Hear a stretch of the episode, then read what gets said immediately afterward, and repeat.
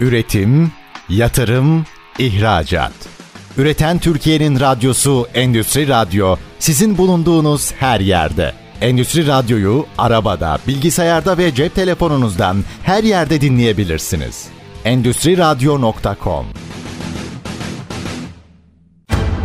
Çetin Ünsal'ın hazırlayıp sunduğu Reel Piyasalar programı başlıyor.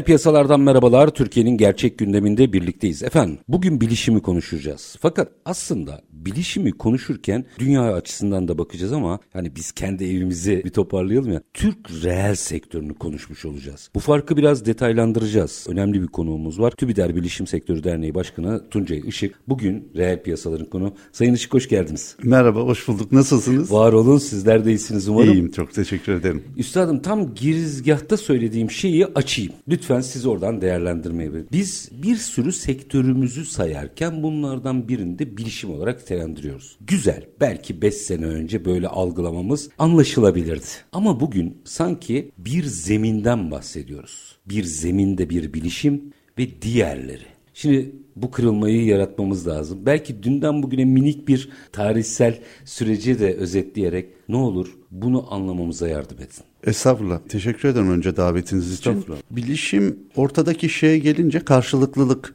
doğuyor. Hı hı. İletişim doğuyor. Dolayısıyla aslında bir iletişim tarafından bahsediyoruz işin. Dünya kuruldu kurulalı biz iletişimle daha doğrusu modern insan diyebileceğimiz insan iletişime geçtiği andan itibaren yazı da bir iletişim şekli. Çünkü ilk aslında baktığın zaman iletişim konuşma. Belki hareket. Sonra konuşma, sonra yazı vesaire diye devam ediyor. Şimdi buradan başlayarak bir yöne doğru gidiyor.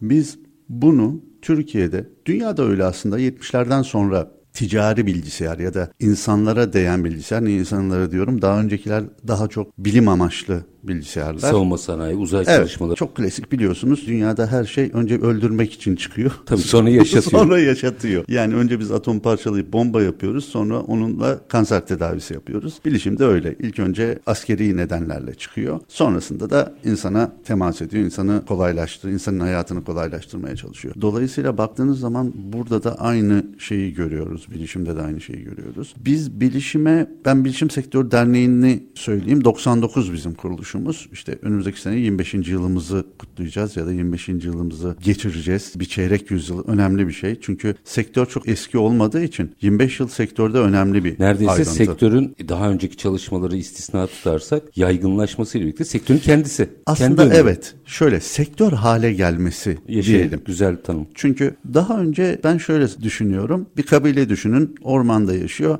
Çok küçük bir kabile, bir köy ve ormandaki her şey onlara yetiyor. Bir Türkiye'deki bilişim sektörü 80'lerden sonra böyle. Geniş bir orman var, tüm meyveler var ve herkesi doyuruyor. Sektör haline gelmesi o köyün kasaba şehir haline gelmesi ve artık hem kendini doyurması hem şehri doyurması anlamına geliyor bir taraftan da. Dolayısıyla 99 yılında kurulurken de zaten bu nedenle kuruluyor. Çünkü kurulduğunda orman hala, bir jungle, kurallar yok. Olan kurallar bilişim sektörüne göre değil, genel sektörlere göre. Hala hala biz birkaç yıldır siz de biliyorsunuz oradan konuklarınız olduğunu biliyorum Hizmet İhracatçıları Doğru. Birliği'nden. Daha yeni kurabildik. Da, anlatabiliyor muyum? Yani bilişim ihracatını biz yeni kurabildik. Yani birçok teşvikten yararlanamazdı edemezdi. Kapasite, Alt bir hizmet kapasite gibi raporunu hatırlıyor musunuz? Tabii. Bununla ilgili sevgili arkadaşımız İlker Taban bir esprisi vardı. Sormuşlar kapasite raporunda ne kadar elektrik harcıyorsunuz diye. O da şey yazmış 0,00001. Bir notebook bu kadar harcıyor demiş. Şimdi kapasite raporu şeye göre çıktığı için elektrik motorlarını yani fabrikalarda elektrik motorlarına göre çıktığı için Böyle bir hesap vardı. Daha yani 200 sene önce değişti bu. Çünkü algı işte bir önceki sanayi devrimiyle ilgiliydi. Kriterler de öyleydi. Evet. Biz biraz geriden geliyoruz ülke olarak. Bu üzücü bir şey. Daha hızlı gitmemiz lazım. Bu arada hızlanmaya başladık. Hı hı. Alternatifsiz hızlanmaya başladık.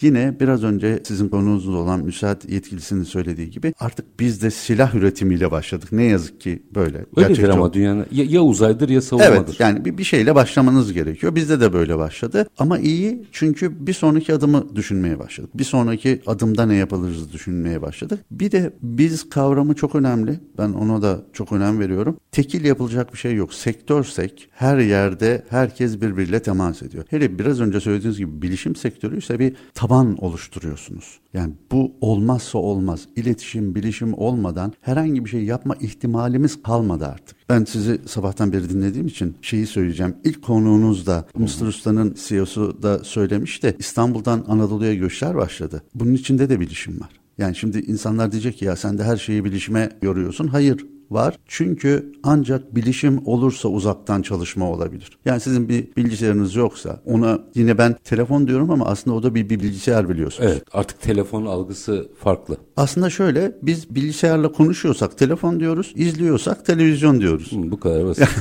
Başka bir şey için kullanıyorsak notebook diyoruz. Anlatabildim mi? Yani ne yaptığımızla alakalı. Bilgisayar bilgisayar. İçine binip gidiyorsak da son dönemde ona da araba diyoruz. Doğru. İçinde yaşıyorsak kıllı ev diyoruz vesaire. Dolayısıyla bunların hepsi bilişimle meydana geliyor. Biraz önce söylediğiniz gibi endüstrinin temelinde, ticaretin temelinde artık bilişim olmazsa olmaz. Zaten bu böyleydi. Bazı şeyler bize bunu biraz daha hızlandırıyor. İşte bu çok bildiğimiz e, Covid pandemisi döneminde de aynı şey oldu. Biraz daha hızlandık. Bu gelecekti, olacaktı, daha hızlı oldu. Belki 5-6 yıl önüne çıktı o kadar. Evet. Ya çünkü çok hızlı gidiyor bir de bu arada. Yani işte pandemi olmasaydı 30 sene sonra yaşayacağımız bir şey değil. Çok hızlı bu sektörün gelişimi. Çok. Şöyle ben sektöre girdiğim zamanı söyleyince insanlar şey diyebilir ama 86'larda girdiğimde 3 senede bir yeni işlemci üretiyordu. Ya. O ünlü marka. Marka söyleyeyim mi? Söylemeyin. Söylemeyeyim tamam. o ünlü marka hepimizin bildiği işlemci markası 3 senede 4 senede bir yeni ürün üretiyordu. Onlar sonra seneye döndüler. Sonra 6 aya döndüler. Şimdi takip etmediğimiz için bilmiyoruz. Yani Yaşayın. ne, ne kadar hızlı evriliyor bilmiyoruz. Zaten şeyden de çıktı. Günlük kullanımda biz eskiden siz de hatırlarsınız şeyi söyler. Bilgisayarın özelliklerini söyler. Tabii tabii artık onun hiçbir önemi kalmadı. Hatırlıyor musun Tabii, şu an? Hiç umurumda bile değil. Ya şeyi çok iyi hatırlıyorum ben. Rahmetli Özal ilk bilgisayarı kullan. Hepimiz böyle daha önce çünkü onu dizide görmüştük biz uzay yolunda falan görmüştük. Böyle nasıl yani falan diye böyle büyük bir hayretler içerisinde seyrediyorduk. Bugün bilgisayar yani son derece doğal bir şey haline geldi. Evet evet. Yani olmayan şöyle söyleyeyim. Biz ikinci 25 yıl için TÜBİDER'de önümüzdeki sene bir dizip etkinlik yapacağız. Bu etkinlikler aslında toplantılar ve bizim nereye gitmemiz gerektiğini öğrenmeye çalışacağımız toplantılar. Ne demek istiyorum? TÜBİDER'in ikinci 25 yılında bir ben böyle ikinci yüzyıl falan böyle çok geniş şeyleri çok sevmiyorum. Biraz daha kısa hedefler. Hatta ikinci 25 yılında da 5 yıllık hedefler, 10 yıllık hedefler şeklinde Yaşadığımız kadarını bir yapalım evet elimizden ya, geleni. Evet ya yani böyle çok uzun şeyleri çok da doğru değil. Yani size iki sene önce ben desem ki ya bir şey çıkacak. Aslında vardı bu arada. Yapay zeka diye bir şey çıkacak. Oturacaksınız onunla konuşacaksınız. Size cevap verecek ve bayağı insan gibi cevap verecek. Bazı yapay zeka şeyleri var. Sizinle konuşurken sizin gibi konuşuyor. Üretken yani yapay zeka Evet, var, tabii. üretken yapay zeka da başka bir boyuta geçti bu arada. Mesela iki sene önce 50 yıllık projeksiyon yapsanız şimdi çöptü. Yapay zeka orada isim ver, şey vereyim artık canım marka vereyim o kadar da yapmayın. ChatGPT artık o diyeyim şey, yani. evet. Tamam. ChatGPT Ve kaç- diğerleri de tabii siz, ama en çok siz muhtemelen biliyorsunuz ama dinleyicilere e, altını çizmek için söylüyorum. Kaç günde bir milyon kullanıcıya ulaştı? Söyleyin lütfen. 5 gün. kadar basit. Şimdi 5 gün önce size desem ki bir şey çıkacak. 1 milyon kullanıcıya ulaşacak derdiniz ki ya olur mu öyle şey? Yani Twitter 6 ayda ulaştı ya da 8 ayda ulaştı. Zaten onların gelişimine baktığınızda ve sürelerin kısalmasını iyi okuduğunuzda gelişimin çok hızlandığını görüyorsunuz. İnanılmaz. inanılmaz. Katlanıyor. Hani bu çok klasik şey vardır ya kağıdı katlama işi. Hani bir kağıdı bilmem kaç kez katlayabilirsiniz, aya gidebilirsiniz üzerine basıp gibi. Bu da aynı katlanıyor ve inanılmaz hızla katlanıyor. Zaten bu bilinen bir şeydi. Şu an biz bunu e, yarı iletkenlerin şeyine sınırlamıştık. Hızına, bas hızına sınırlamıştık. Şimdi kuantum bilgisayar geliyor. Ha onu daha görmedik mesela. Orada nereye kırılacağız? Sadece tahayyül edebiliyoruz. Evet. Aslında ben yaklaşık çok fütürist bir adam değilim. Böyle çok ileriyi gören bir adam olduğum söylenemez. Yanlış olmasın. Ama şunu fark etmiştim ve benim oğlum bu sene üniversiteye başladı. Allah bağışlasın. Çok teşekkür ederim. Oğluma demiştim ki oğlum dil öğrenmeyle ilgili çok uğraşma. Yani öğrenebiliyorsan öğren Ama ikinci dili öğreneceğim, üçüncü dili öğreneceğimle bence çok uğraşma. Çünkü çok yakın zamanda gerçekten ihtiyacımız olmayacak. Yani bu şunun için söylemiyorum. Siz bir tarihçiyseniz Alman kadar Almancayı biliyor olmanız. ihtisas evet, başka bir şey. O başka bir şey. Ama normal bir insan günlük işini yaparken yurt dışı bağlantılarında şurada burada oturup bununla uğraşmayacak demiştim. Çok yakında geliyor. 5G ile ve kuantum bilgisayarlarıyla bunları biz aşacağız. Yani gerçekten şu an sizinle ben konuşuyormuş gibi ben buradan söylediğimde sizin kulaklarınızda Fransızcasını duyabileceksiniz. Tam tersi hatta görüntüde yaptı biliyorsunuz yapay zeka artık bunu. Yapılabiliyor çok rahat. Dolayısıyla inanılmaz bir hızda ilerliyor. Üstad geçenlerde bir arkadaşım bunu yapay zekada denemiş. Benim katıldığım bir programda anlattıklarım Fransızca olarak anlatıyorum. Sesim aynı ben ve içerik de doğru. Yani birebir çevirmiş. Bir an ürkütücü şey dedi- ama bir, an şey dediniz mi? Ne zaman konuştum ben bunu diye. E, evet yani ürkütücü ama e, hani şey olabilir. Sesinizi benzetir, rastgele bir şeyler söyler, onu anlarım. Birebir konuştuklarını çeviriyor Dudak olması. yapısıyla beraber. Evet, o müthiş bir şey. Evet. Söylediğiniz yani ağızda asenkron bir şey durmuyor. Siz söylüyormuşsunuz gibi zaten Evet, evet. yapıyor. Bu arada korkulacak bir şey değil. Hazır bir parantez açalım ona. Bu korkulacak bir şey değil. Bu nasıl kullanacağımızı bileceğimiz bir şey. Yaşayın. Ben öğrenmeyi seviyorum. Bu yapay zeka ile ilgili, üretken yapay zeka ile ilgili de bir eğitim aldım. Üç haftalık bir eğitim aldım böyle ikişer üçer saatten. Çok da hoş bir hanımefendi, Oya Geron hanımefendinin bir eğitimi. İnanılmaz güzeldi. Son bölümüne de sağ olsun Sinan Canan Hoca katıldı. Şimdi e, biraz daha insani yönünü ve nörobilim yönünü anlatmak için. Orada o gelen bir soruya çok güzel bir cevap verdi. Biri dedi ki ya biz bunu çocuklarımıza ne zaman kullandırmaya başlayalım? Durun. Kritik soru çünkü bu. Cevabını reklamdan sonra alacağım. Az sonra. Az sonra. Efendim çocuklarımıza ne zaman kullandırmaya başlayalım? Buradan başlayacağız. TÜBİDER Bilişim Sektörü Derneği Başkanı Tuncay Işık konuğumuz. Kısa bir ara lütfen bizden ayrılmayın. Üretim, yatırım, ihracat. Üreten Türkiye'nin radyosu Endüstri Radyo sizin bulunduğunuz her yerde. Endüstri Radyo'yu arabada, bilgisayarda ve cep telefonunuzdan her yerde dinleyebilirsiniz. Endüstri Radyo.com Kısa bir aranın ardından reel piyasalarda tekrar sizlerle birlikteyiz. Bilişim konuşuyoruz. TÜBİDER Bilişim Sektörü Derneği Başkanı Tuncay Işık bizlerle birlikte. Araya giderken dediniz ki yapay zeka ile ilgili bir eğitim aldım ve orada işin sosyal tarafını da konuştuğumuz son bir ders vardı ve soru şuydu. Çocuklarımıza ne zaman bununla buluşturmalıyız öyle diyeyim. Çocuklarımızı ne zaman buluştururuz? Ne zaman kullansınlar? Cevap neydi? Cevap çok ilginç. Tam Sinan Canan'dan beklenecek bir cevaptı. Çatalla ne zaman buluşturuyorsanız o zaman buluşturun. Aa, yani müthiş. ihtiyacı olduğu an buluşturun. Fark ettiği an, yapabileceği an buluşturun. Çünkü hayatının geri kalanında kullanacak. Yani onu ne kadar geç tanıştırırsanız o kadar zorlanacak. O kadar ya bu şey gibi çok uzun süre bir şey yedirilmeyen çocuk bulduğunda çok yiyor ya. Mesela insan ırkı da öyle. Biz e, şu an bolluk içinde olduğumuz için çok yiyoruz. Aslında insan ırkı Doğallaştırmak lazım. Evet çok uzunca süre aç kaldığı için çok açlık çektiğimiz için şu an bulduğumuzda habire yiyoruz habire yiyoruz. Bu da böyle biz çocuğu doğduğu andan itibaren bazı şeylere alıştırmamız lazım. Düzgün alıştıralım evet be- belli kurallar olabilir. Bu arada ben çocuk gelişim uzmanı değilim bunu böyle ukulalık olarak söylüyor olabilirim. ama uzmanları var onlardan Evet. yol haritası çıkarılabilir. Bence de bu işin dışında kalmamalı. Aslında söylemeye çalıştım o. Hiç kimse işin dışında kalmamalı. Çünkü işin dışında kalarak siz onu yönetemezsiniz. Biraz önce söylediğimiz şeyler vardı konuştuğumuz arasında. Yani Türkiye'ye bilgisayar geldiğinde biz daha hızlı adapte olabilseydik. Adapte olmaktan bahsediyorum.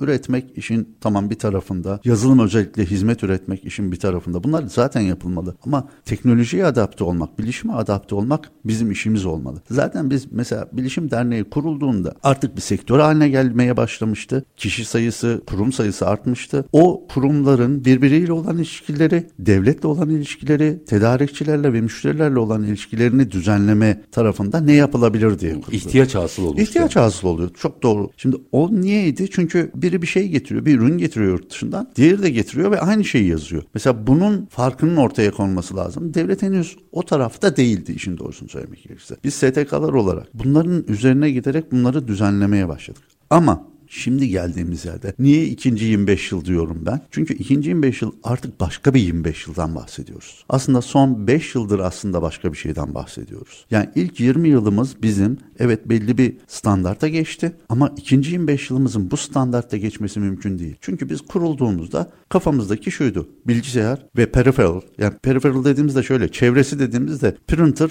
belki bir tane tarayıcı vesaire 3 tane cihazdan daha oluşuyor. Fix çalışılacak aletler belliydi. Ve birbirinden kopuk aletlerden bahsediyorum. Doğru. Ve bunları bağlardık. İlk önce bunları birbirine bağladık. Sonra bağlantıları birbirine bağladık biliyorsunuz. Dünyayı birbirine bağladık. Şimdi bunların tümü gerçekleştiği süreçte de bizim sektöre başladığımızda her iş yerinde bilgisayar olsun. Bu arada her iş yerinde bir bilgisayar olsun en azından Derdi noktası vardı, vardı. evet. Şimdi bizim evde dört kişiyiz altı bilgisayar var. Telefonlar hariç. Telefonlar hariç. Şimdi anlatabiliyor muyum? Yani buraya gelmiş bir sektörün artık hala bilgisayarlaşmayı konuşuyor olması geçilmesi lazım. Üretimde özellikle sektörel yani üretim sektöründe Türkiye'de üretim sektörü bence çok önemli çünkü. Üretim sektöründe bizim dijitalleşmeyi çok hızlı bir tamamlayıp henüz tamamlamadık. İnsanlar zannediyor ki tamamladık ama hala çok büyük siz benden iyi biliyorsunuz. Estağfurullah. İşletmemiz KOBİ. Hatta mikro işletme. Şimdi mikro işletmeleri bir kenara koyuyorum. Onların bilgisayara bile ihtiyacı olmayabilir. Cep telefonundan işini halledebilecek mikro işletme olabilir. Ama onun bir üstü üretime giden bir tane dahi tezgah olan firmanın bence artık dijital işi konuşuyor olması, dijitalleşiyor olması lazım. Nasıl olduğundan bağımsız. Mutlaka dijitalleşme olması lazım. Çünkü gelecek orada. Biraz önce Orada biraz işin bakış açısıyla makine kısmını karıştırıyor muyuz? Şuradan açmanızı rica edeceğim. Lütfen. Yıl 2004'tü galiba. Kompleks fuarı vardı hatırlar mısınız? hatırlamaz mıyım Ee, ya? yani- Disket alırdık. Evet yani müthişti. Biz o zaman orada bir televizyonda ben canlı yayındayken bilgisayar mühendisleri odası başkanı şey demişti. E-Devlet daha yeni yeni kullanılıyor. Bakın bugün ne kadar doğallaştı hayatımızda. Masaların üstüne bilgisayar koyarak E-Devlet olamazsınız. Bunların entegre olması lazım. Şimdi o yıllarda bunu tartışırken bugün de aynı şeyi dijitalleşme için sanki tartışıyoruz. İki tane dijital makine koyduğunuzda dijitalleşmiş olmuyorsunuz. Burayı açın ne olur ya. Bu ara en çok konuştuğum şey bu arada 2004 değil ben 94'tekinden bahsediyorum disket alma deyince. Evet, 2000, biraz- 2004 biraz daha erken şeyler karıştı ya. Yıllar uzayınca Biz aradaki o öten bir e, internete bağlanmaları bile yaşadık. 56K 56K modemlerden bahsediyorsunuz. Evet. Şimdi süreklilik konuşuyoruz değil mi? Her yerde. Sürdürülebilirlik konuşuyoruz değil mi? Her yerde. Sürdürülebilirliği biz sadece yeşil tarafını alıyoruz. Ağaç, orman, kuş, hayvanlar ve doğayı alıyoruz. Oysa şirketlerin sürdürülebilirliğini ve sürekliliğini çok az konuşuyoruz. Bir şirket kuruyorsunuz ve kurduğunuzda ben bu şirketi şu kadar zaman sonra kapatacağım diye kurmuyorsunuz değil mi? Tabii ki. Devam edecek diye kuruyorsunuz. Peki onun için ne yapıyorsunuz? Yatırım. Çok klasik yatırımlarınızı yaptınız. Makinelerinizi aldınız, teçhizatınızı aldınız. Bu 50 yıl önce, 100 yıl önce, 150 yıl önce hiçbir sorun yoktu. Siz makinelerinizi koyduğunuzda, üretime başladığınızda zaten ürettiğinizi satıyordunuz. Şimdi öyle değil ki. Bir, o ürettiğinizi kime satacaksınız? O sattığınız yer sizden ne istiyor o ürün dışında? Niye ne istiyor diyorum? Çünkü yeşil dönüşüm geliyor şimdi. Size diyecekler ki, dediler daha doğrusu. Standartlar gelecek. Paris Anlaşması sonrası, Yeşil Mutabakat sonrası 2025 başında, 2024 sonunda ya da bize diyecekler ki ki diyorlar 5 sektör onların içinde demir çelik ve çimento var ilk aklıma gelenler. Onlara diyorlar ki eğer Avrupa Birliği'ne siz ürün üretiyorsanız karbon ayak izinizi söyleyeceksiniz. Eğer bu karbon ayak izi benim istediğim standardın dışındaysa ya da veremiyorsanız Vergi ödeyeceksiniz. %20. Yani bana satamazsın diyor. Çetin Bey Türkçesi hani bu. satma diyor. Satamazsın diyor. Evet. Kim E, bunun iki nedeni var. Bir, gerçekten karbon ayak izine önem vermeleri ki Türkiye çok iyi bu konuda. Toplamında çok iyi. Yani tek tek değil ama dünya standartlarına göre bayağı iyiyiz biz bu tarafta. Fakat Avrupa Birliği de bir, bir süre önce Amerika'nın yaptığı gibi kendi iş gücünü kendi işinde kullanmaya çalışıyor artık. Tabii. Yani bir yerde ürettireyim. Eskiden o kolaydı. Fason ürettireyim. Ben Burada sadece vatandaşıma iyi şeyler sunuyumdu. Şimdi işsizlik başladı. Avrupa Birliği sadece Avrupa Birliği'nin Almanya'sı yok. Yani refah ülkeleri yok. Avrupa Birliği'nde nispeten bizim gibi yani bizim gibiden kastım Avrupa Birliği'ne üretim yapan ülkeler var. Onları desteklemek zorunda. Üstad Doğu Avrupa'yı kendi fabrikası yapmak istiyor. Evet. Bu kadar çok, aslında. Çok çok Rekabet çok. burada tamam, şekilleniyor. Tamam. Şimdi Doğu Avrupa Avrupa Birliği'ne girdiği andan itibaren Avrupa Birliği dedi ki ya ben bari içeriden alayım da çünkü onlara sübvanse ettikleri çok şey var. Bari burayı böyle kullanayım dedi. Hı hı. Şimdi yeşil mutabakatın bir de bu tarafı var. Yeşil mutabakat çok uzun bir konu bu arada. Şimdi oraya girersek kayboluruz diye. ama e, çok, önemli bir kırılmadan bahsediyorsunuz. Evet. Şimdi burada bizim Avrupa Birliği ki Avrupa Birliği bizim hala en büyük ihracatı yaptığımız İhracat kalem. ve ithalat yarı Evet. yarıya. İnanılmaz. Dolayısıyla bizim burada yapacağımız şey Avrupa Birliği ile mutabakatı sağlamak. Alternatifimiz yok. Nasıl sağlayacağız? Çünkü bir karbon ayak izi, iki bu tedarik zincirinde de aynı şey geçerli. Çünkü fabrikalar artık diyor ki Almanya'daki fabrika sen bana bir mamul ya da yarı mamul üretiyorsan, yarı mamul üretiyorsan daha doğrusu ben bunun sendeki üretim bandında nerede olduğunu bilmek istiyorum diyor. Kaç tane stoğun olduğunu bilmek istiyorum. Sana ham madde üreten yerde ne kadar stok olduğunu bilmek istiyorum. Kendi üretimini güvence altına almak için. Bir güvence altına almak için iki stok tutmak istemiyor. Tabii size ipiyor yani. Evet. Yani biliyorsunuz bir dünya markası çok yakın zamanda dedi ki ben distribüsyon sistemini kaldırıyorum. Dağıtıcı sistemi olmayacak. Herkes artık kendi arabasını kendi sipariş edecek dedi. Türkiye'de onu açtılar tabii. Sonra vazgeçti dedi ki Türkiye için şu an yapmayacağız sonra yapacağız dedi. Erteledi biraz. Bu iyi bir şey mi bilmiyorum. Biz irrasyonelizdir her konuda bir Evet, şekilde e, çünkü bayağı bozdular sistemi. Sistem işlemeyince değiştirdiler. Ama sistem ne kadar işlemeyecek? Ne kadar bozacağız? Ne kadar dışında kalacağız? İşin içine girip bizim düzenlememiz lazım. Dolayısıyla da başa sarayım. Dijitalleşmemiz şart. Peki dijitalleşme dediğimiz şey bu kadar hem basit mi? Evet. Hem zor mu? Evet. Çünkü birisi bir şeyi yaparken çok klasik şeydir ya usta gelmiş çekici vurmuş. O, o kadar basit. Bir çekiç vuracak kadar basit. Ama başka bir taraftan baktığınız zaman da onu öğrenecek kadar uzun bir süreye ihtiyaç var. Dolayısıyla iyi bir bilişim firmasıyla çalışıp herhangi biri bunu çok rahat yapabilir. Şimdi burada çok rahat yapabilir diyorum. Evet tamamlayabilir demiyorum bakın. Çünkü tamamlanacak bir şey değil bu bahsettiğimiz. Sürdürülebilirlik, süreklilik tamamlanacak bir şey değil. O devam de eden bir bir şey. satın alma hareketi değil bir birlikte yolculuk diye bakmak lazım. Ne güzel söylediniz. Tam öyle. Süreklilik devam eden bir şey. Yani siz nasıl fabrikanızda iş, işçiler için servis kullanıyorsunuz? Bu servisi şöyle diyebiliyor musunuz? Ya bugün kullanmayayım, yarın kullanayım, üç ay kullanayım, bir ay kullanmayayım. Değil tabii. Bilişim de böyle. Baktığınız zaman çok farklı değil.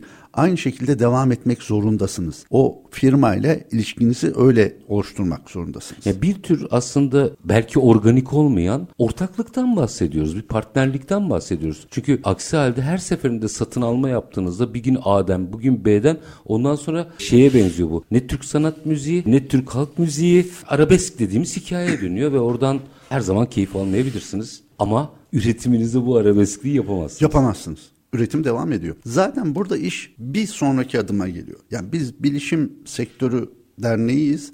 Sektörün değişmesiyle beraber bizim de değişme çabamız var. Çünkü düne kadar bilgisayarcı dediğiniz şey herkesti, her şeyi yapan insandı. Şimdi farklı farklı uzmanlıklar var. Bunun üstüne gitmemiz gerekiyor. Yani o ihtisası mutlaka sağlamak gerekiyor. İhtisası ve o ihtisası da tek kişiden değil, tek kişi üzerinden farklı uzmanlıkları satın almanız gerekiyor. Şöyle yapalım. Bir dakika erken gideyim reklama. Tuncay Bey'i bir rahatlatalım. Hemen ardından e, gelelim. Zaten bir dakika vardı reklama. Öbür tarafa eklerim ben de onu. Ne, ne, ne iyisiniz teşekkür ederim. Estağfurullah. Kısa bir ara. Aranın ardından reel piyasalarda bilişimi ve bilişim sektörünün aslında diğerlerine nasıl var edeceğini konuşuyoruz. Kısa bir ara. Lütfen bizden ayrılmayın. Üretim, yatırım, ihracat. Üreten Türkiye'nin radyosu Endüstri Radyo sizin bulunduğunuz her yerde. Endüstri Radyo'yu arabada, bilgisayarda ve cep telefonunuzdan her yerde dinleyebilirsiniz. Endüstri Radyo.com Kısa bir aranın ardından reel piyasalarda tekrar sizlerle birlikteyiz. TÜBİDER Bilişim Sektörü Derneği Başkanı Tuncay Işık bizlerle birlikte bilişimi ve aslında bilişim üzerinden bütün sektörlerin, ekonominin hatta yaşamın dönüşümünü konuşuyoruz. Şimdi aslında son noktada dediniz ki ikinci 25 yıl çok farklı olacak çünkü diyerek onun gerekçelerini detaylandırıyordunuz. O çünküleri devam edelim. Sadece bu TÜBİDER ve üyelerinin değişimi değil, dönüşüm var hepimizde ve biz değişmekten korkuyoruz. Bakın farklılaşmak başka bir şey, değişmek başka bir şey. Biz aynı kalarak o değişime uygun tavır takınabiliriz. Burada bir direnç var galiba ne dersin? Ben dönüşüm kelimesini bile kullanmaktan imtina ediyorum ama genelde böyle bilindiği için dönüşüm diyorum. Dijital gelişim ya da yeşil gelişim dememiz Çok daha güzel doğru tanım. aslında. Çünkü dönüşüm dediğiniz gibi insanlar dönüşmekten korkuyor. Bir şey olacağım. Bir de bu kadar hızlı gittiğimiz biliyorsunuz belli bir hızın üzerine araçla ya da başka bir e, yani motosikletle ya da arabayla çıktığınız zaman çok hızlı kaçırabilirsiniz şeyleri. Tabii. Mesela şu an bir şey var, e, korku var biliyor musunuz? Bir şey kaçırdım mı korkusu. Sürekli Instagram'a evet, evet, bakmak, evet. sürekli Twitter'a bakmak, sürekli telefona bakmak. Çünkü hepimiz bir şey kaçırmaktan çok korkuyoruz. Dünya ortalaması 5 dakikada birmiş. En uç. 5 dakikada bir Doğrudur. kesin telefonumuza Doğrudur, bakıyormuşuz. doğrudur. Yani ortalama büyüklerimizde biraz düşüyordur. Tabii, Yeni şüphesiz. nesilde çok aşağıdadır. Telefonun olmadığı bir şey yok. Dolayısıyla şimdi böyle bir kaygı yaşıyoruz. Dönüşüm de bu kaygının içinde. Ya acaba bir şey mi olacak? Bir sonraki adımda ne olacak? Ama alternatifimiz yok. Ben şunu söylemiyorum. Bu bir korku değil. Ama gerçekten eğer dönüşümünü, gelişimini tamamlayamazsa herhangi bir firma bir sonraki adımı yok. Üstad yönetemediğiniz şeyden korkarsınız. Niye Siz yönetemiyorsunuz yönetin peki? diyorsunuz. Niye yönetemiyorsunuz? Bilin. Çünkü Öyle. bilmiyoruz. Şimdi yöneticilerin, şirket sahiplerinin hepsinin naçiz fikrim bir şekilde bir bilişim danışmanı oluşturması gerekiyor. Bu bilişim danışmanından kastım şu değil, yanlış anlaşılmasın. Bilişim ürünü satın alacağı, bilişim hizmeti satın alacağı, bilişimle ilgili yazılım satın alacağı birinden bahsetmiyorum. Başka bir danışmanlıktan bahsediyorum. Felsefesinden, perspektifinden bahsediyoruz. Her şeyiyle, her şeyle yani biz burada niye bunu yapmalıyızı biri ona anlatmalı. E, pardon bunu atlamayalım. Çünkü biz arada konuştuk. Aslında çok enteresan bir saptamamız var. Önümüzdeki süreçte yönetim kurullarında mutlaka bilişimden biri, bilişimden anlayan birinin olması lazım. Vurgunuzu bence burada ıskalamayalım. Galiba bir önceki programda da konuşmuştuk. O zaman bankanın adını vermiştim. Şimdi Ee, vermeyin. Şimdi vermiyorum. Büyük bir Türk bankası çok yakın zamanda, çok yakın değil aslında bayağı oldu artık. CTO'sunu yani teknolojiden sorumlu genel müdür yardımcısını CEO yaptı. Niye? Çünkü finansal olarak yapılabilecek araçlarda yapılanlar zaten 100 yıldır aynı şeyler yapıyor. Aynen öyle. Şimdi başka bir format var. Bir sonraki adım teknolojiyle alakalı. Yani dijitalle ve bankanın değişimiyle alakalı. En son ne zaman bankaya gittiniz? O hatırlamıyorum. Birçok kişi hatırlamayacak. Hatırlamayacağız. Hatırlamamamız gerekiyor. Zaten doğrusu da bu. Yani bankamatiği saymazsanız hatırlamıyorum. Gerçi Onlar da mesela çok ilginç. girmekten bahsediyorum. Onlar da çok ilginç. Niye aynı yerde, aynı lokasyonda 5 ayrı bankanın aynı bankamatiği ya da ATM'i var? O da anlamsız değil mi? Evet. Tek bir tane olsa ve hepsi birleşse. E, yakında geliyor. Orada tabii komisyonlar vesaire Yok başka geliyor geliyor. Çok, çok yakında. içine. Yani aslında şöyle düşünün. Bu herkes için oradan hemen üretime ineceğim bankadan. İşletme maliyeti bazen satın alma ve işletme maliyeti aslında onu kiralama maliyetinin çok üstünde olabiliyor. Kiralama maliyeti çok daha mantıklı olabilir. Orada tam bu noktada aslında bütün firmalara da örnek olacak bir şey. Orada bu sistem çıktı.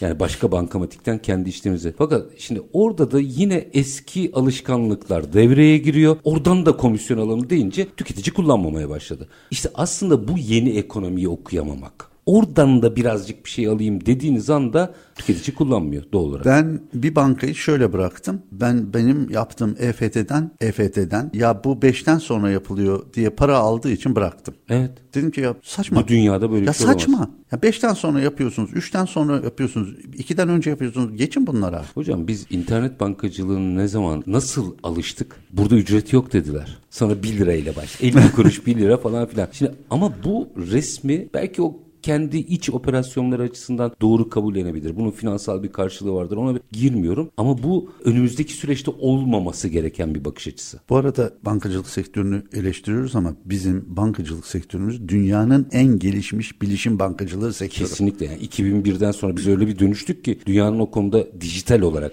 finansal yapısı ayrı tartışılır. Dijital olarak önündeyiz. Dünyanın çok önündeyiz. Avrupa'da ve Amerika'da bizim yaptığımızı yapamayan birçok banka var. Tabii, tabii. Bizim yaptığımızı yapan da çok az banka var. Bizde neredeyse tüm bankalar aynı standarda ulaşmış durumda. Normalidir yani onların. Evet evet. Yani bizde normal, diğer taraflarda gelişmişlik bile değil. Yani gelişmişlik İngiltere'de çok da geçen 2-3 ay önce haberini verdim. İngiltere daha bizde son derece normal baktığımızı birçok işleme yeni geçeceğini açıkladı. Şimdi bu inanılmaz güzel bir şey ve benim bildiğim birkaç bankacılık software'i, bankacılık yazılımı, bankacılık hizmeti yapan fintech dediğimiz, daha doğrusu tekfin, Tekfin dediğimiz. tekfin dediğimiz yani teknolojiden finansa geçen yazılım şirketlerimiz yurt dışına açılıyorlar. İnanılmaz bir şey, inanılmaz doğru bir yapı. Mesela ikinci 25 yılda bizim yurt dışını konuşuyor olmamız lazım. Bilişim Sektör Derneği olarak. Önümüzdeki sene 5-6 tane toplantı yapacağız.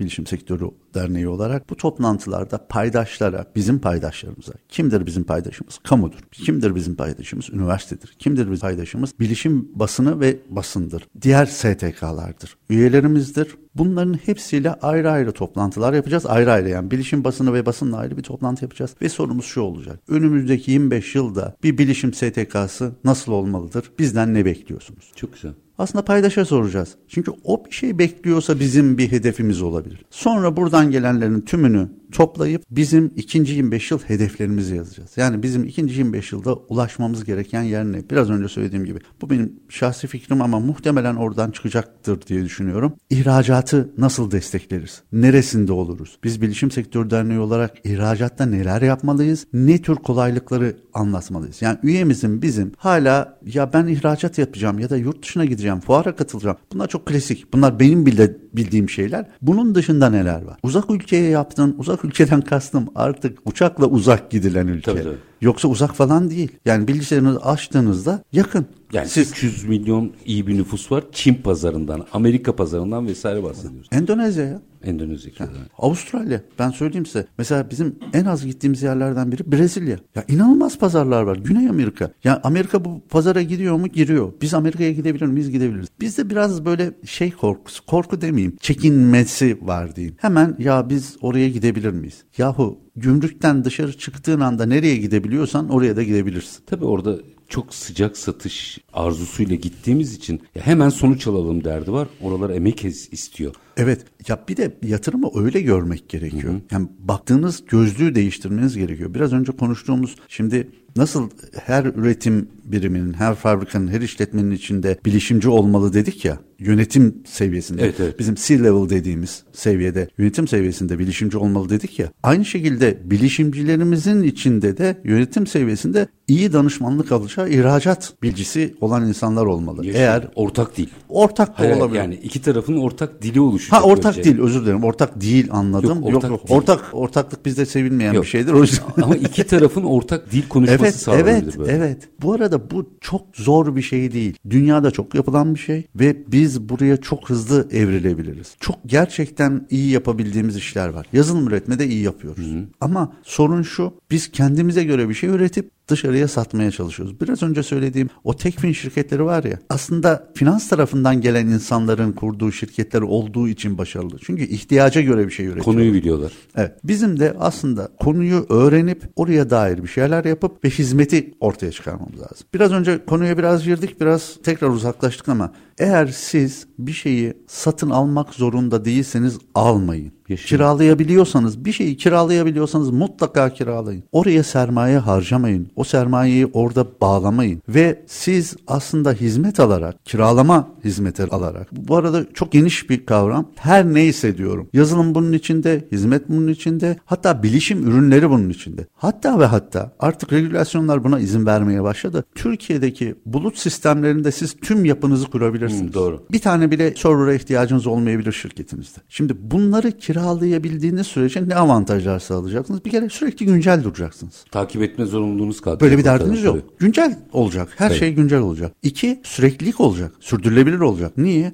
Çünkü size o hizmeti veren firma belli kurallarla veriyor bunu. Dolayısıyla bunu sürdürülebilir bir şey alacaksınız. Bu sizin sürekliliğinizi ve sürdürülebilirliğinizi sağlayacak ve aynı zamanda buraya emek harcamamanızı sağlayacak. Ya burada bir oksimoron durum doğdu gibi algılayabilir insanlar. Ne demek? Ya yönetimde bilişimci olsun ama içeride bilişimci olmasın diyoruz. Evet doğru. Çünkü yönetilebilen bir şey olması lazım Çünkü o bilişimci yönetici neye ihtiyacı olduğunu tespit edebilecek. Evet ve yönetilen servis satın alacak zaten. Bu kadar. Yani bunu kimin yönettiği, nasıl yönettiği. Bir de Türkiye'deki bu mesela iş emekçi sorunu, yetkin emekçi sorunu bilişim tarafındaki de böyle açılacak. Çünkü şu an şöyle bir durum yok. Siz alt alta Türkiye'deki işi yapanları ve onların üretimlerini yazın. Türkiye'nin üretim ihtiyacını, daha doğrusu bilişim ürünü ihtiyacını, hizmet ihtiyacını da bir tarafa yazın. Emin olun arz çok daha fazla çıkar. Ama şöyle bir sorun var. O arzı veren kişi bir şirkette çalışıyorsa sadece o şirketin işlerini yapıyor. Oysa o 8 saat çalışan bir adamın aslında 5 saati belki boşa gidiyor. Bir o insan eskisi kadar eğitime açık olmuyor. Böyle bir sorun var. Çünkü zamanı olmuyor. Sadece oraya yönelik çalışıyor. İşini görüyor çünkü. Evet işini görüyor. E, oysa biz bu insanın yönetilen servislerle şeyini yapabilsek, dağıtımını yapabilsek, bu insanı aynı anda üç şirkete hizmet verebilir hale gelsek kolaylaşmaz mı işimiz? Hatta dünyadan bir kişiyi de dünyadan kullanın yani. Muhteşem söylediniz. Bir, tam tersini söyleyeceğim ben de. Dünyaya satsanız, Tabii. üretim fazlanızı dünyaya satsanız muhteşem olmaz mı? Düşünsenize sizin bir yapınız var ve dünyaya bunu satabiliyorsunuz. Türkiye'de zaten yeterli yere satabileceksiniz. İkinci avantajı ne? Kiralanan her şey toplamda eğer hele bu bir de bilgiyse, hele hizmetse çoğaltılabilir bir şey demektir. Yani Bir de farklılaştığında çarpan etkisiyle büyüyor. Tam onu söylemeye çalışıyordum. Şimdi bu büyüklüğü satmaya başladığınızda ya da kiralamaya başladığınızda aynı anda siz bir kişiyle beş şirkete hizmet vermeye başlayacaksınız. Beş şirketin hizmetlerini görebilmeye başlayacaksınız. O beş şirket sizin hizmetlerinizi aldığı için büyüyecek. Devam edecek. Şimdi siz bu beş şirketi büyüttüğünüz zaman bir beş şirket daha alabileceksiniz. Dolayısıyla aslında burada biz hem bilişim sektörünün kapasitesini arttırmış olacağız. Hem Daha doğrusu kapasitesi demeyeyim. Hizmet e, alanı. Verdiği hizmeti geliştirmiş olacağız. Arz zaten var. O arzı doğru dağıtmış olacağız. O yüzden yönetilen servisler ve işin kiralama tarafı çok önemli. Her işletmeye ben yapabildikleri kadar bilişim ürününü, kiralamalarını, danışmanlık almalarını ve mutlaka mutlaka yönetilen servisleri konuşmalarını istiyorum. Bir de biraz önce söylediğimiz gibi mümkünse C-level'da bu şunu demek değil. Siz sizde bilişimci kimse yok. E, gidin birine ortak alın ya da öyle bir, Hayır, ortaklardan biri bu konuda uzmanlığını geliştirsin. tam onu söyleyecektim. Eğitimi alsın. Evet. Artık çok mümkün Evet. yani. Her yerde onlarca eğitimler veriliyor. Hatta biz derneğimizde bir süre önce bununla ilgili plan yaptık ama hayata geçiremedik. Yönetim kuruluna şey yapma, bilişim anlatma, dijital dönüşüm anlatma eğitimleri yapalım. Yani yönetim kurulundaki insanlara bilabeder gelsinler biz dijital dönüşüme ait bilgi verelim. Çünkü biraz önce söylediğiniz gibi yönetim kurulunda özellikle belli bir yaşın üstünde, belli bir yaş deyince bizden yaşlı değiller ama Bizle aynı yaşlarda. biz de aynı yaşta olanlar da şimdi şeyden korkuyor. Bir sonraki adımı bilmediği için korkuyor. Biz dedik ki bu insanlara bir sonraki adımı anlatalım. Bu arada bu insanlar şey böyle dar görüşlü falan onun var olanın kaybolmaması endişesi bu. Tabii tabii çok doğal. Çok doğal, çok doğal bir reaksiyon ama bunun böyle var olmaya devam edeceği konusunda ikna etmemiz gerekiyor. İnsan tutucu. Çünkü kolay biriktirmemiş oraları. Çünkü evet. Yani bir sonraki adımı görmüyorsa özellikle çok daha tutucu. Bir sonraki adımı ya sabah bir örnek verdiniz. Elon Musk 3 ay önce şey dedi. Yapay e, zeka. yapay zeka ile ilgili bir tane. Sonra baktı ki o öyle gitmiyor. Hemen Şirket yatırım yaptı. Tabii. Anlatabildim mi? Yani bu bir sonraki adımı görmüyorsa korkuyor. Gördüğü anda da yatırım yapıyor. Biz onlara bir sonraki adımı gösterme peşinde olacaktık aslında dijital dönüşümü anlatarak. Ez cümle süren bitti ama böyle bir dakikada şunu da almak isterim. Bütün bunlar için zamanımız kalmadı. Dündü. Dündü. Ama bugün karar verdik. Tamam hiçbir şey için geç değil. İlk ne yapmamız lazım? İlk yani şu birincidir demek o kadar zor ki bir kere karar vermek en önemlisi. Yaşayın. Yani bence en önemlisi karar vermek. Karar verdikten sonra aslında kafanızı kaldırıp ben ne yapacağım diye sorduğunuz zaman emin olun çevrenizde onlarca şey göreceksiniz. Bunu yapan insan, bunu bilen insan göreceksiniz. Bu şeydir ya yeni bir araba aldığınızda hep aynı arabaları görürsünüz. Ya da eşiniz Halkada hamileyken şey- eşiniz hamileyken ne kadar çok hamile var diye görürsünüz. Bu böyle. Siz kararınızı verdiniz ve ben bunu yapacağım dediğiniz an, başınızı kaldırdığınız an kendi sektörünüzde zaten bunu yapan insanlar çevrenizde var. Herhangi bir üretim sektöründe bunun işini başlamış kanaat önderleri var. Hiç mi bir şey gelmedi aklınıza? Dönün TÜBİDER'in sayfasından girin, bize mesaj atın. Biz size bulacağız. Yaşayın. Çok çok teşekkür ediyorum. teşekkür ederim. Bu arada tabii e, mesela yapılacaklardan biri aklıma geldi şimdi. Yönetim kurulunu toplayın. Deyin ki bizim bilişimcimiz hanginiz olmak istersiniz? Mesela değil mi? Ve tespit ettiğiniz kişiyi de eğitime yollayın. Ama itmeyin onu. O istesin. Ha tabii tabii. Hayır. havuza Tabii, iten- tabii, tabii. itilen gibi Hayır, olmasın hayır. yani. Yani işte yönetim kurulu toplansın. Orada bellidir zaten o işe meraklı olan da. O da hemen zaten talip olur muhtemelen. Ama yönetim kurullarına bilişimden anlayan bir sadece bilişimci olması gerekmiyor. O vasıfta birini yaratmamız gerekiyor. Mutlaka. Buradan başlayalım. TÜBİDER Bilişim Sektörü Derneği Başkanı Sayın Tuncay Işık çok teşekkür ediyorum. Ben teşekkür ederim. Sizinle sohbet o kadar keyifli ki. Siz de. Ben gelirken notlar alıyorum. Ya şunu mutlaka konuşun, bunu mutlaka konuşun. Bilişim diye ama sizinle sohbet edip bir dalıyoruz. Bazen e, yayından çıkıyorum bakıyorum aa bunu söylemedim diyorum. Olmuştur yine. Bir sonraki yayına diyelim. Her zaman. Her Çok zaman teşekkür bekliyoruz. ederim. Sağ olun. Efendim biz bugün bilişim sektörünü aslında bilişim sektörü üzerinden ekonomiyi, reel sektörün dönüşümünü, oradaki meslek mensuplarının entegrasyonunu her şeyi konuştuk. Ama ne olur vakit kaybetmeyin. Sadece karar verin. Karardan sonraki hareketler ve eylemler size ait zaten. Ama karar verin. Öğrenmeye karar verdikten sonra gerisi çok hızlı gelecek. Bizim bugün konuğumuz TÜBİDER Bilişim Sektörü Derneği Başkanı Tuncay Işık'tı. Biz her zamanki gibi bitirelim. Şartlar ne olursa olsun. Paranızı ticarete, üretime yatırmaktan, işinizi layıkıyla yapmaktan ama en önemlisi vatandaş olup hakkınızı aramaktan vazgeçmeyin. Hoşçakalın efendim.